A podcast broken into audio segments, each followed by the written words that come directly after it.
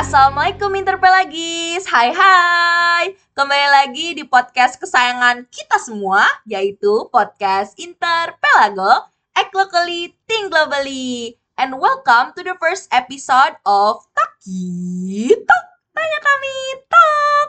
Dengan gue Anggita yang akan menjadi host di episode ini Sebelumnya gue mau ngasih tau dulu nih, apa itu Taki Talk? Jadi, Taki Talk ini adalah segmen terbaru dari podcast Interpelago.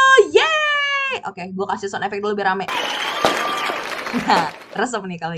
Oke, lanjut. Jadi, di segmen ini, kami akan menjawab pertanyaan-pertanyaan dari Interpelagis yang ada di question box Instagram Interpelago bareng geser super keren dan juga relate dengan topik yang akan kita bahas. Nah, di episode perdana ini kita akan membahas tentang bagaimana sih caranya supaya kita bisa mendapatkan dan juga meraih kesempatan yang ada serta bisa menggunakan privilege kita sebagai mahasiswa terkhusus mahasiswa HIWIN Jakarta. Oke, langsung aja nih kita kulik-kulik geser super keren kita ini yaitu dari HIWIN Jakarta angkatan 2019, Kak Miftah. Halo Kak Miftah. Halo, halo, halo. Asik. Gimana nih kak kabarnya? Alhamdulillah baik nih. Sebaliknya gimana deh kabarnya? Sehat? Alhamdulillah baik banget kak, sehat. Wih. Alhamdulillah, mantap.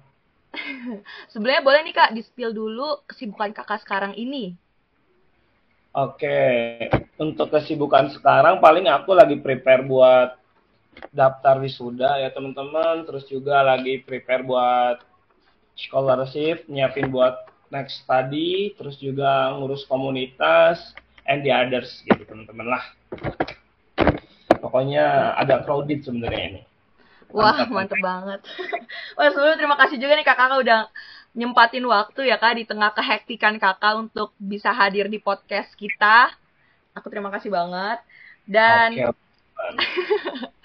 oh ya, mungkin bisa langsung masuk ya kak karena di Taki Talk ini kan uh, di mana teman-teman interpelagis mengisi question box yang akan ditanyakan ke kakak nih dan udah banyak banget loh kak yang nanya kayak hmm. super excited banget nih teman-teman untuk tanya langsung sama Kamista. Jadi di sini aku karena pertanyaannya mirip-mirip, jadi aku gabungin ya kak pertanyaan-pertanyaan yang sama gitu. Boleh, boleh, boleh. Oke, jadi pertanyaan pertama aku mau nanya dulu nih kak, boleh gak nih kakak ceritain sedikit gimana kehidupan kakak selama perkuliahan dari semester 1, mulai dari organisasi, lomba-lomba, pengalaman kakak, dan juga sepak terjang kakak selama kuliah di HIW Jakarta. Oke, mantep nih pertanyaan yang menarik untuk saya jawab nih. Jadi gini, jadi gini teman-teman, apa hmm, pertama kali masuk maba maba semester 1 tuh aku udah ikut beberapa event waktu itu kayak ikut lomba itu di semester satu ikut lomba terus ikut student exchange keluar terus juga ikut apa ya kegiatan-kegiatan kayak volunteer dan lain sebagainya. Nah, kenapa aku pilih waktu itu di semester satu Karena menurut aku semester satu adalah fase di mana kita masih semangatnya masih berapi-api ya.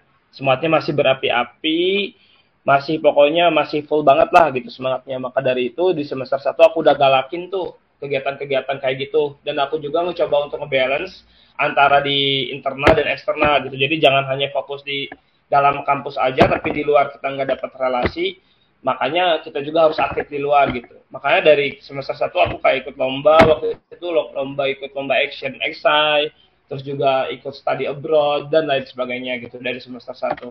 Nah nanti next di semester 2 sampai semester atas kita nggak ngikutin alur yang udah kita buat di semester satu gitu. Karena tanpa kita sadari relasi kita akan bertambah dan kegiatan kita pun jelas akan bertambah gitu. Karena kan kalau kita udah nemu orang yang sefrekuensi, itu enak tuh. Contohnya kayak aku nemu orang sefrekuensi beda universitas nih.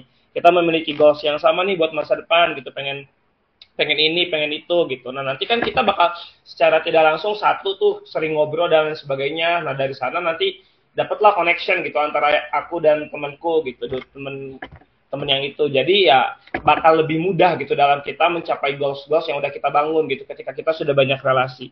Itu sih mungkin ya sepak, uh, sepak terjang secara singkat aku di dunia perkuliahan ini. Oh, I see. Benar banget sih, Kak. Di semester 1 tuh kayak tempatnya kita untuk eksplorasi dan juga eliminasi ya untuk semester oh. selanjutnya nih bagaimana gitu. Wah, betul. Keren banget sih, Kak. Karena semester 1 nih Kakak udah ikut lomba-lomba gitu ya kan. Terus juga nih, Kak, kan kakak juga ikut uh, program student exchange ya pertukaran pelajar gitu. Ini banyak yang nanya juga nih kak, gimana sih kak caranya untuk bisa ikut program tersebut? Kayak mungkin bisa di spill nih persyaratannya dan juga uh, apa ya kesiapan kakak gitu untuk mempersiapkan hal tersebut. Oke, sip sip untuk menjawab pertanyaan ini sebenarnya student exchange itu kan banyak ini ya banyak tipenya gitu. Uh. ada tergantung siapa nanti yang nyelenggarain entah itu dari pihak government atau NGO gitu. Kebetulan yang aku ikutin waktu awal pertama kali yang ke Turki itu aku ikut yang NGO nah jadi persyaratannya tuh ada seleksi kita tiga kali ya seleksi administrasi seleksi kemudian seleksi project yang kedua dan yang ketiga itu seleksi interview Nah di seleksi administrasi kita buat eh kita kayak administrasi lagi gitu eh, kayak transkrip nilai, terus juga apa esai, terus juga data diri, and the others lah pokoknya di semester di tahap satu tuh administrasi. Next kalau lolos tahap administrasi kita bikin project, kita bikin project sosial. Nanti yang project sosialnya menarik baru bakal lanjut ke tahap interview gitu. Tapi kalau dirasa sama si pihak recruiternya nggak menarik nih di tahap dua ya udah dia stop di sampai tahap dua aja gitu ikutan event ini. Alhamdulillah waktu itu aku dan teman-temanku dari beberapa universitas juga, universitas lain karena kita di sini sifatnya tim untuk project. Aku waktu itu ada empat lima orang dari dari UIN, UI, terus juga UNS, UB dan lain-lain lah pokoknya. Jadi kita tergabung dalam satu tim, kita bikin project, kita bikin project, baru nanti yang projectnya lolos Nah next ke tahap selanjutnya dan alhamdulillah kelompokku lolos gitu ke tahap selanjutnya dan kita sampai di tahap interview. Di tahap interview kita itu masing-masing kalau project kan bareng-bareng ya kalau interview kita masing-masing. Nah nanti yang lolos interview itu bisa presentasi di Turki lebih tepatnya di Istanbul waktu itu. Jadi mungkin betul betul kayak gitu. Jadi ada ada apa ya ada tiga tahapan lah tahap administrasi, tahap project sama tahap interview. Demikian deh. Oke berarti kayak setiap program itu punya persyaratan beda-beda gitu ya kak? Betul betul betul. Ah I see. Oke okay, oke. Okay. Oh ya btw kakak juga duta HI juga gak sih kak? Aku cek juga nih. Duta HI tahun 2019 ya kak? Ih keren banget. Nah berarti kan kakak udah dari awal ini udah aktif banget gitu kan? Terus gimana nih kak cara kakak mengatur uh, apa ya balance gitu antara akademik dan juga non akademiknya? Terus juga pas kakak ikut pertukaran pelajar terus juga konferensi-konferensi gitu gimana cara kakak mengatur kehadiran nih untuk izin ke kampus gitu? Oke okay, oke okay, sip sip. Good question nih. Jadi yang waktu itu tips and trick dari aku gini. Uh, semisal kita ada pro uh, aku waktu itu yang pertama aku sering ngambil pertukaran pelajar atau student exchange studi waktu timing libur libur semester. Hmm. Jadi ketika ada libur semester dua bulan lebih kan UIN itu termasuk yang hoki ya karena kita libur dua bulan lebih gitu. Nah Betul jadi banget. aku ya jadi aku pakai deh aku pakai waktu itu buat buat student exchange aku pakai buat magang aku pakai buat lomba dan yang lainnya gitu di waktu yang benar-benar libur itu. Jadi yang pertama uh, keywordnya untuk anak-anak UIN sebenarnya ini lebih relate dengan anak UIN kalau dengan kampus lain agak kurang relate. Kenapa? Karena mereka kan libur cuma sebulan doang ya rata-rata. Iya. atau bahkan ada yang dua minggu gitu beda sama kita dua bulan bahkan lebih. Jadi aku pakai timing yang di mana waktu itu libur. Yang kedua terus kan itu tuh eh, nggak waktu libur aja kita butuh prepare sebelumnya. Nah, aku tuh tipe yang kalau memang sebelum ikut kegiatan, aku planning dulu, planning terlebih dahulu apa aja sih yang harus aku selesain gitu. Nah, terus sudah kayak gitu, jadi biar nanti kita punya target. Jadi apakah target kita tuh kecapai atau enggak tuh jadi pas sebelum sebelum kita ikutan event gitu. Nah, kayak nanti ngebagi relate dengan ngebagi si akademik ini. Jadi biar contohnya ketika ada UTS, ada UAS misal, orang belajar UTS UAS tuh kan hamin semingguan. Nah, kalau aku hamin sebulan udah belajar. Kenapa? Oh. Jadi biar ketika UAS atau ketika UTS dan aku ada konferensi, ya aku nggak fokus ke UTS UAS karena aku udah belajar hmm. jauh-jauh hari gitu. Jadi ketika nanti waktunya timingnya bentrok dengan waktu konferensi, aku tinggal prepare yang konferensi dan untuk UAS sama UTS aku cuma baca sekilas aja gitu. Karena untuk yang benar-benar belajarnya udah aku lakuin jauh-jauh hari itu sih mungkin tips and trick dari aku mengenai apa pembagian atau manajemen timing ketika kita pengen oke okay di kampus dan oke okay juga di luar gitu deh. Wah keren banget sih kak. Berarti kakak tuh benar-benar say no to prokrastinasi hmm. gitu ya kak? Betul betul. Karena kan banyak nih mahasiswa-mahasiswa ini mereka tuh kayak jadi burn out itu karena ya menunda-nunda gitu kan. Berarti salah satu syaratnya tuh jangan menunda-nunda gitu ya kak. Harus punya target Betul. untuk ke depannya. Wah keren banget sih Betul, kak. Terus ini juga nih kak, kakak eh, ada yang nanya juga nih mengenai beasiswa. Boleh gak nih kak Iya. nih? Boleh ini yang nanya nih, eh, yang nanya nih kebanyakan anak 22 dan juga anak 23 kan anak anak tahun 2023 ini udah mulai ada yang masuk ya dari Oh iya jalur iya. eh, eh, jalur iya jalur SNM ini tuh banyak yang nanya kayak sebagai eh, ma maba ini kira-kira hal apa aja yang harus disiapin supaya bisa dapat beasiswa juga kayak still dong mungkin beasiswa yang available untuk eh, maba HI gitu maba HI win Hmm, oke oke. Ini good question juga nih buat beasiswa atau scholarship hunter nih. Teman-teman eh, biasanya so far yang aku tahu mengenai scholarship ya, persyaratannya tuh lebih ke ini, lebih ke ya gak jauh beda sih admi- administrasi, kemudian yang keduanya tes, kemudian yang ketiga interview. Nah, tesnya kan kalau yang study abroad itu kan atau student exchange itu kan biasanya project ya. Kalau ini biasanya dalam berbentuk tes. Dalam berbentuk tes eh, kasih kasih kita kasih contoh aja ya beasiswa ternama salah satunya Jarum Foundation gitu. Jarum beasiswa Jarum. Nah kan Jarum Jarum apa ya dia memberikan tes tiga kali tes tes administrasi. Kalau lolos administrasi next ke tes tulis lolos tes tulis next ke interview baru dia dinyatakan sebagai awardee dari best one gitu ya be- beasiswa jarum tersebut gitu. Tapi selain itu kan kalau beasiswa jarum terus juga selain beasiswa jarum ada juga kayak beasiswa oh iya tergantung juga kalian kalau sekarang tuh lagi digalakin juga kayak beasiswa KIP gitu KIP nah beasiswa KIP itu itu sebenarnya lebih mudah lagi nih bagi teman-teman sebenarnya nih agak peluang tinggi banget nih. Bagi teman-teman yang ngerasa punya kartu KIP bisa didaftarin aja karena ternyata UIN itu termasuk kampus yang memang mensupport banget beasiswa KIP gitu. Dibuktikan dengan teman sekelasku pun yang dapat KIP hampir separohnya. Hampir separohnya Wow. mereka dapat KIP gitu. So far ketika mereka kuliah S1 mereka nggak nggak bayar sepeser pun UKT UKT gratis terus uang bulanan dapat gitu. Ada tunjangannya gitu. Jadi ya mereka tinggal belajar aja gitu. Dan fun fact-nya UIN salah satu kampus yang memang mensupport KIP tersebut. Karena dibuktikan dengan penerima beasiswa KIP di UIN banyak gitu nah itu mungkin teman-teman yang bisa apa ya salah satu beberapa atau beberapa apa ya beberapa scholarship yang bisa teman-teman siapin gitu Adapun kalau memang kita mau bahas mengenai scholarship secara detail, sebenarnya harus ada satu forum tertentu, harus aku siapin juga kayak PPT sebagainya, karena memang karena memang cukup banyak itu deh pembahasan mengenai scholarship ini. Demikian. Oh, I see, benar-benar banyak ya kak sebenarnya peluang yang penting kayak kita juga cari-cari juga nih ya kak, jangan sampai ketinggalan informasi juga. Betul betul betul. Hmm. Dan selagi kita mau cari, aku rasa kayaknya bakal dapat deh. Ah, betul banget. Karena bahkan dari swasta juga suka ngebuka scholarship gitu juga gak sih kak? Jadi kayak nggak harus Betul. nunggu dari pemerintah dan juga informasi dari kampus gitu kan ya kak? Betul betul ya betul sekali. Nah, kembali lagi ke apa nih pertukaran pelajar juga nih kak pertanyaannya nih kak. Ada nanya nih kayak eh, kak gimana sih kak eh, sistem perkuliahan di sana? Apakah berbeda nih dengan sistem perkuliahan kita di sini gitu? Terus juga pas di sana kan pasti dari akomodasi dan juga living cost kakak tuh bagaimana di sana gitu? Oke oke good question nih.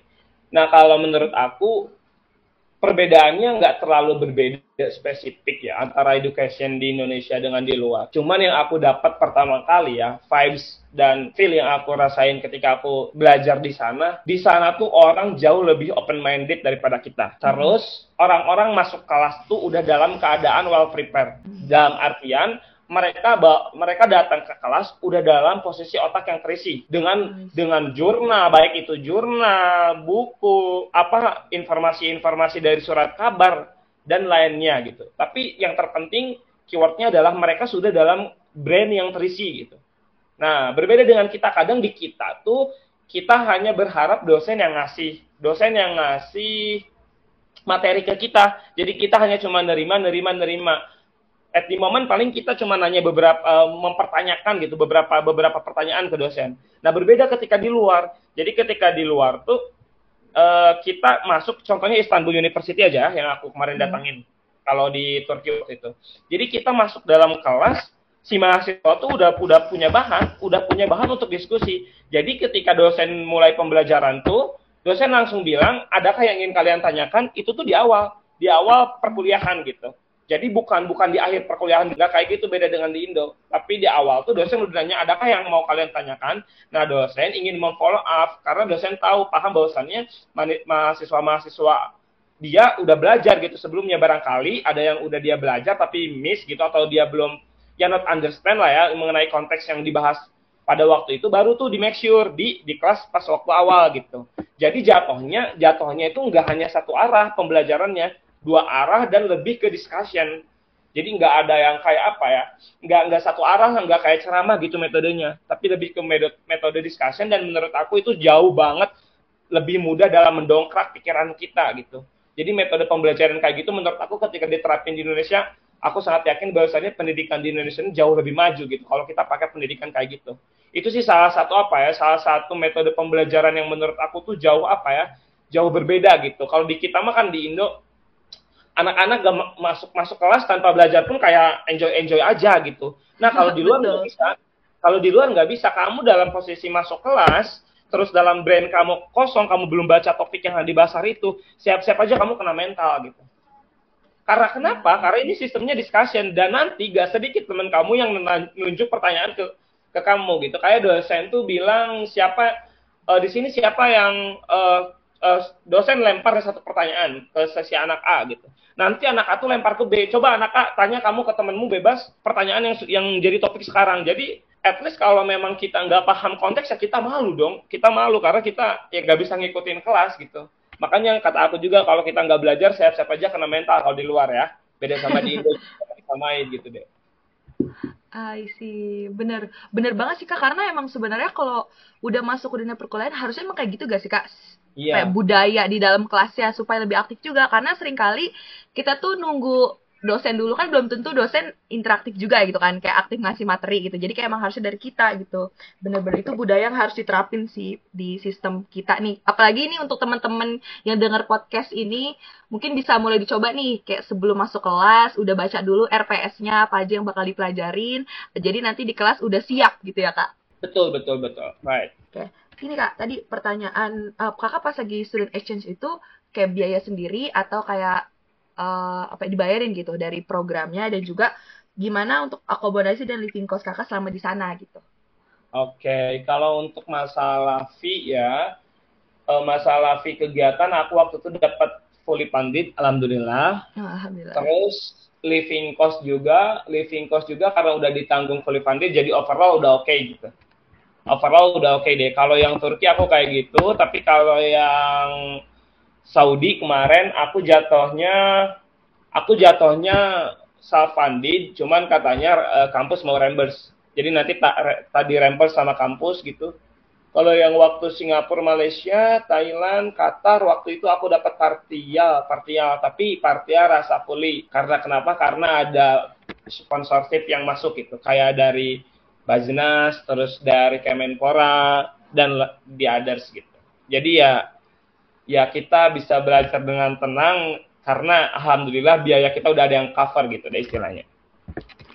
Wah keren banget sih kak. Itu kalau kalau boleh tahu kak, gimana cara kita bisa dapetin sponsor gitu kak? Iya, nah tips and trick sebenarnya ini ini sebenarnya pertanyaan yang harus harus banget didapat sama scholarship hunters, eh, bukan scholarship hunters sih salah, iya scholarship hunters hunters hmm. boleh atau juga orang-orang yang suka keluar negeri nih pengen keluar negeri tapi gratis gitu ya tapi nggak biar gak, gak terbebani dari biaya kalian harus sudah mulai apa ya punya skill untuk berdiplomasi dengan para pejabat gitu misal kayak Kemenpora hmm. aja nah kalian harus ngeberaniin diri datang ke Kemenpora terus ngasih proposal proposal isinya kayak cooperation antara kalian dengan Kemenpora. Jadi kalian harus pantai saat branding kalian gitu. Jelasin ke, jadi istilahnya gini ya kita nggak kalau aku ya aku tiap ikut ikut apa ya student exchange terus juga ngajuin sponsorship aku tuh bukan bukan kayak orang yang lagi minta-minta uang. Enggak enggak kayak gitu.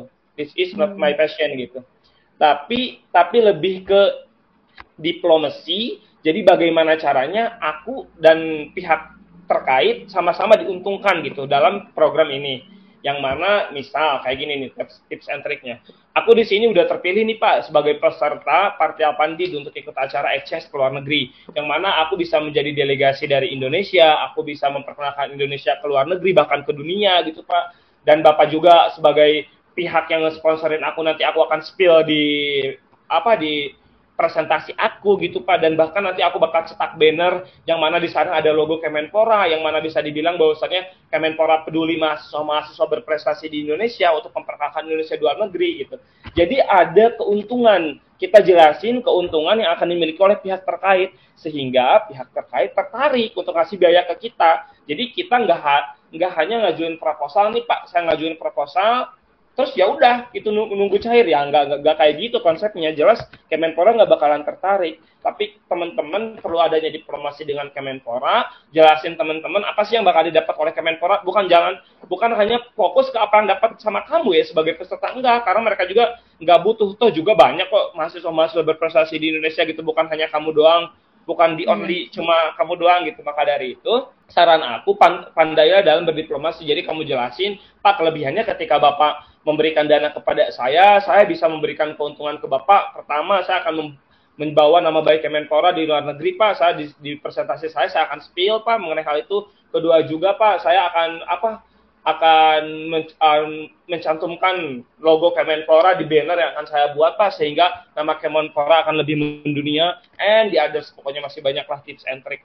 dalam mendapatkan kepercayaan dari Kemenpora. Nah kayak gitu deh kalau udah dapat kepercayaan dari Kemenpora biasanya cair tuh. Dan alhamdulillah waktu aku semester satu juga aku cair waktu itu. Dan itu fun fact-nya itu bisa aku kan dapat partial awalnya, tapi aku dapat partial biaya semua udah tercover dari biaya itu bahkan lebih aku. Wow. Gokil.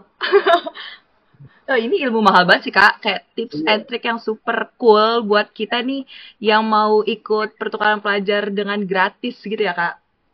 Betul betul betul. Oh, wow wow. Berarti emang dari, dari kayak hmm? Iya deh, jadi kayak ilmu-ilmu kayak gini ya, insight kayak gini tuh sebenarnya nggak semua orang miliki gitu. Makanya kayak iya. banyak banget mahasiswa pinter-pinter di Indonesia tuh banyak banget. Cuman yang mereka karena nggak dapet connection, dan lagi-lagi relasi jadi mereka ya setak di biaya kadang uh, dia pinter dia mau ikut event-event luar tapi karena dia ngerasa nggak ada uang ya udah stop di sana gitu padahal aslinya enggak banyak dana-dana yang pemerintah siapkan tuh untuk mahasiswa-mahasiswa berprestasi sebenarnya. Cuman lagi-lagi masalahnya di informasi. Karena nggak ratanya informasi, meratanya informasi, sehingga ya nggak semua orang bisa menikmati gitu karena karena ya apa ya yang aku tahu pun waktu ikutan kegiatan aku nggak sedikit tuh orang-orang mahasiswa-mahasiswa pintar dari beberapa kampus tapi mereka yang kayak lah kok kok kamu bisa gini? Kok aku nggak dapat informasinya? gitu. Makanya kata aku lagi-lagi informasi itu memang semahal itu gitu ya. Apalagi udah terjalinnya connection tuh uh itu mahal banget teman-teman. Hmm, iya betul banget. Karena sering kali tuh kita kita nih ya mahasiswa tuh nggak tahu informasi gitu kak. Jadi kayak tiba-tiba oh ternyata udahan kayak gitu sayang banget sih. Berarti kayak kita nih mahasiswa tuh harus proaktif juga dan juga cari tahu juga ya kak apa yang kita mau dan juga jangan pasrah gitu kayak ah nggak bisa nih gue gitu. Betul betul betul. Nah jangan kayak gitu jangan pesimis. Mm -mm. Harus optimis teman-teman. optimis. Biar biar ini biar biar selagi jadi mahasiswanya berwarna nggak gitu-gitu aja hmm. gitu. Ya, gunain privilege kita sebagai mahasiswa gitu. Karena kan setelah kita nah, lulus itu kan uh, uh, bakal lebih sulit lagi gitu ya kata tangannya bakal lebih besar lagi nih mumpung jadi masih jadi mahasiswa punya KTM yang masih berlaku jadi kayak manfaatkan itu teman-teman. Right right karena jadi mahasiswa tuh privilege teman-teman. Ayo hmm. bisa teman-teman. Yuk semangat. Semangat! Oke nih kak. Nih mungkin ini di luar dari uh, pertanyaan tentang beasiswa dan juga school uh, student exchange nih kak ini kan kakak kan udah lulus nih ya kan, udah sidang juga, tinggal nunggu wisuda ya kan? Iya. Ada nanya nih kak. Gimana gimana? Ada nanya. Gimana apa benar kak? apa benar nih kak? Kalau HI itu lowongan kerjanya terbatas gitu. Ada yang nanya gitu nih kak. Oke oke. Kalau kalau menurut aku mungkin aku tim tim yang kontra ya dengan tim yang kontra dengan yang mengatakan kalau ada yang orang HI itu terbatas itu statement demikian ya. Jadi untuk yang bertanya enggak, aku aku tim tim kontra dengan dengan kalau ada yang ngomong kayak gitu. Karena menurut aku uh, cenderung orang-orang yang berpikiran bahwasannya hak itu ruang kerjanya itu terbatas, berarti otak kamu juga terbatas gitu. Kenapa? Kenapa aku bilang kayak gitu? Karena untuk zaman sekarang ya, zaman yang serba canggih, zaman modern, itu tuh nggak ada batasan teman-teman selagi kamu nggak ngebatasi diri kamu. Jadi sebenarnya pola pikir yang ada di dalam diri kamu tuh yang ngebatasi itu ya diri kamu doang. Coba deh kamu pikir kayak gini sekarang. Jika kamu hanya berpikiran lulusan HI hanya hanya jadi sebagai diplomat, just only diplomat ya, berarti kamu jangan salahkan orang lain, tapi pemikiran kitanya aja yang kurang tepat gitu. Jadi untuk ruang lingkup HI yang terbatas aku katakan enggak, karena lulusan HI bisa jadi diplomat, bisa jadi pembisnis, bisa jadi entrepreneur, bisa jadi content creator, bisa jadi apa ya, bisa jadi dosen, bisa jadi peneliti, eh di others masih banyak lagi gitu. Jadi nggak statement-statement kayak gitu itu itu statement-statement yang hanya dimiliki oleh otak-otak eh, oleh pemikiran-pemikiran yang dangkal menurutku gitu. Jadi ayo teman-teman gali lagi pemikiran-pemikiran kalian sehingga kalian nggak hanya nggak hanya stuck bahwasannya HI HI itu terbatas gitu. Nah, biar nggak ada kayak gitu ya. Tapi it's okay kalau kalau pertanyaan itu datang dari semester 1, semester 2 aku masih sangat memaklumi gitu. Karena karena aku pun waktu semester 1 semester 2 masih stuck kayak gitu teman-teman. Masih semester 1 semester 2 sampai semester 4 kan masih kayak kayak oh iya ya jadi HI itu lulusan HI itu jadi diplomat ya endingnya jadi diplomat di Kemlu PNS gitu-gitu aja gitu. Nah itu awal aku mikir kayak gitu gitu. Tapi setelah nanti juga berproses at the, at the time nanti kalian bakal berproses pemikiran kalian berproses wawasan kalian nanti bertambah gitu dan nanti juga pola pikir kalian akan terbentuk dengan sendirinya gitu. Jadi jadi saya mungkin sekarang meluruskan yang udah mungkin berkecimpung di dunia HI sekitar tiga tahun lebih belajar dan saya menyimpulkan bahwasannya untuk prospek kerja dari lulusan HI itu sendiri luas teman-teman. Banyak banget peluang sebenarnya. Tinggal kamu pilih aja sesuaikan dengan skill and soft skill dan hard skill yang kamu miliki gitu. Kayak gitu ya teman-teman ya. Semangat semangat. Ya banget, betul banget nih. Karena pasti nanti makin ke sana gitu kan, kita ketemu sama banyak orang, kita punya banyak pengalaman, itu bakal mengubah pemikiran kita dan juga bisa mendapatkan kesempatan-kesempatan lebih besar lagi gitu gak sih kak? Oh, exactly, exactly. Iya, jadi kayak ayo lewati batas kalian, karena pasti kita bisa lebih kuat dari apa yang kita pikirkan gitu teman-teman. Nah, ada juga nih kak, ini ini di luar, ini ada beberapa pertanyaan yang out of topik gitu ya tapi nggak apa-apa. Nih okay, sebagai uh, kak kakak nih sebagai uh, mahasiswa HI nih sebelumnya gitu kan sekarang udah lulus gitu kan yang udah belajar mengenai HI ada yang nanya nih kak apakah nantinya jurusan HI akan digabungkan dengan jurusan ilmu politik atau tetap menjadi jurusan tersendiri? Ada yang nanya kayak gitu tuh kak. Gimana tuh kak hmm. tanggapan kakak? Oke okay, oke okay, oke. Okay. ini ini biasanya di semester satu dibahas nih. Jadi hmm. teman-teman aku lurusin HI itu pecahannya dari politik gitu. Iya Betul. Nah awalnya kan politik, baru ada ada HI gitu. Jadi so far menurut aku ya HI sekarang udah udah maju gitu. HI juga udah mulai maju, punya dunianya sendiri gitu. Jadi jadi ketika HI ditarik lagi ke politik kayaknya kayaknya agak apa ya, agak kurang mungkin ya. Karena memang ya HI juga dari politik gitu awalnya gitu. Jadi menurut hmm. aku bakal semua bakal berjalan dengan dengan sendirinya. Apa ya si HI ini bakal berjalan dengan kehayannya. Begitupun politik bakal lebih fokus ke bidang politiknya kayak gitu. Tapi kalau memang ditanya asal usul HI memang benar. HI itu bagian dari politik gitu teman-teman. Iya. Dan sekarang HI juga udah punya ruang lingkup ya tersendiri gitu sih ya kan nah, betul betul. Ruang lingkup HI juga ternyata banyak. Mm -hmm. banyak dan dalam gitu ya Oke, betul-betul. Wah, sebenarnya tadi tuh pertanyaan terakhir sih kak. Oh, Karena kan tadi kita udah uh, bertanya mengenai beasiswa, tadi udah dijelasin dengan sangat rinci oleh kak Mista dan juga pertukaran pelajar gitu ya kan kak. Uh, mungkin nih closing statement nih kak. Aku mau minta, uh, mungkin boleh nih kayak closing statement untuk teman-teman, terkhusus nih para maba-maba yang semangatnya masih membara gitu kan kak dari kakak nih yang dari awal tuh udah aktif banget mungkin bisa nih kak kasih closing statement untuk kita semua. Oke oke oke. Dari aku mungkin closing statementnya ya untuk teman-teman yang masih maba nih baru-baru join kalian kalian jangan lewatin golden age tersebut gitu yang mana momen-momen di posisi maba itu adalah momen-momen yang paling cemerlang menurut aku. Kalian masih punya semangat membara terus juga kalian masih belum terkontaminasi oleh satu dan lainnya, maka dari itu explore berbagai hal yang ada yang ada dan yang memungkinkan untuk kalian explore gitu. Jangan sampai kalian give up apalagi kalian menyesal di kemudian hari gitu. So kalian harus banget harus banget banget banget ini make yourself more than what you think teman-teman. Jadi teman-teman harus banget apa ya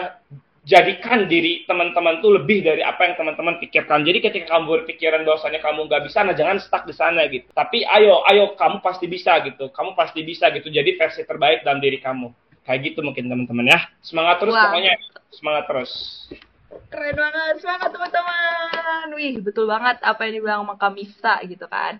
Apalagi kita nih sebagai mahasiswa itu sebuah privilege juga gak sih Kak? Karena selain kita dapat ilmu HI, kita juga dapat soft skill yang itu kepake banget buat dunia kerja dan dunia ke depannya gak sih Kak? betul betul betul banget ya betul betul Asik. Oke nih Kak, karena tadi udah closing statement juga. Dan ini ternyata udah 30 menit loh Kak kita ngobrol. Seru banget obrolannya. Dan sebelumnya aku mau ngucapin terima kasih banyak kepada Hamista yang sudah menyempatkan untuk hadir di podcast di tengah kehektikan kakak mempersiapkan uh, wisuda. Kakak juga mau S2 juga ya kak? Lanjut. Insya Allah, insya Allah mohon doanya. Amin. Amin. Doain teman-teman nih untuk Kamista semoga lancar ya kak atas uh, Amin. persiapan kakak. Terima kasih banyak Kamista sudah hadir. Terima kasih kembali nih, terima kasih kembali kasih. Terus semangat untuk dianggit ya. Iya, amin. Makasih kak. Semangat terus. Nah, itu dia episode perdana dari Taki Talk. Tanya kami Talk. Terima kasih untuk Interpelagis yang sudah mengisi question box yang ada di Instagram Interpelago. Dan juga untuk kamu yang sudah mendengar podcast ini sampai habis. Semoga bisa memberikan manfaat dan juga motivasi untuk kita bisa menggunakan privilege kita sebagai mahasiswa dengan sebaik mungkin. Ditunggu episode Interpelago selanjutnya yang pasti yang gak kalah keren. Saya Anggita pamit undur diri. Wassalamualaikum warahmatullahi wabarakatuh. Bye-bye. Thank you.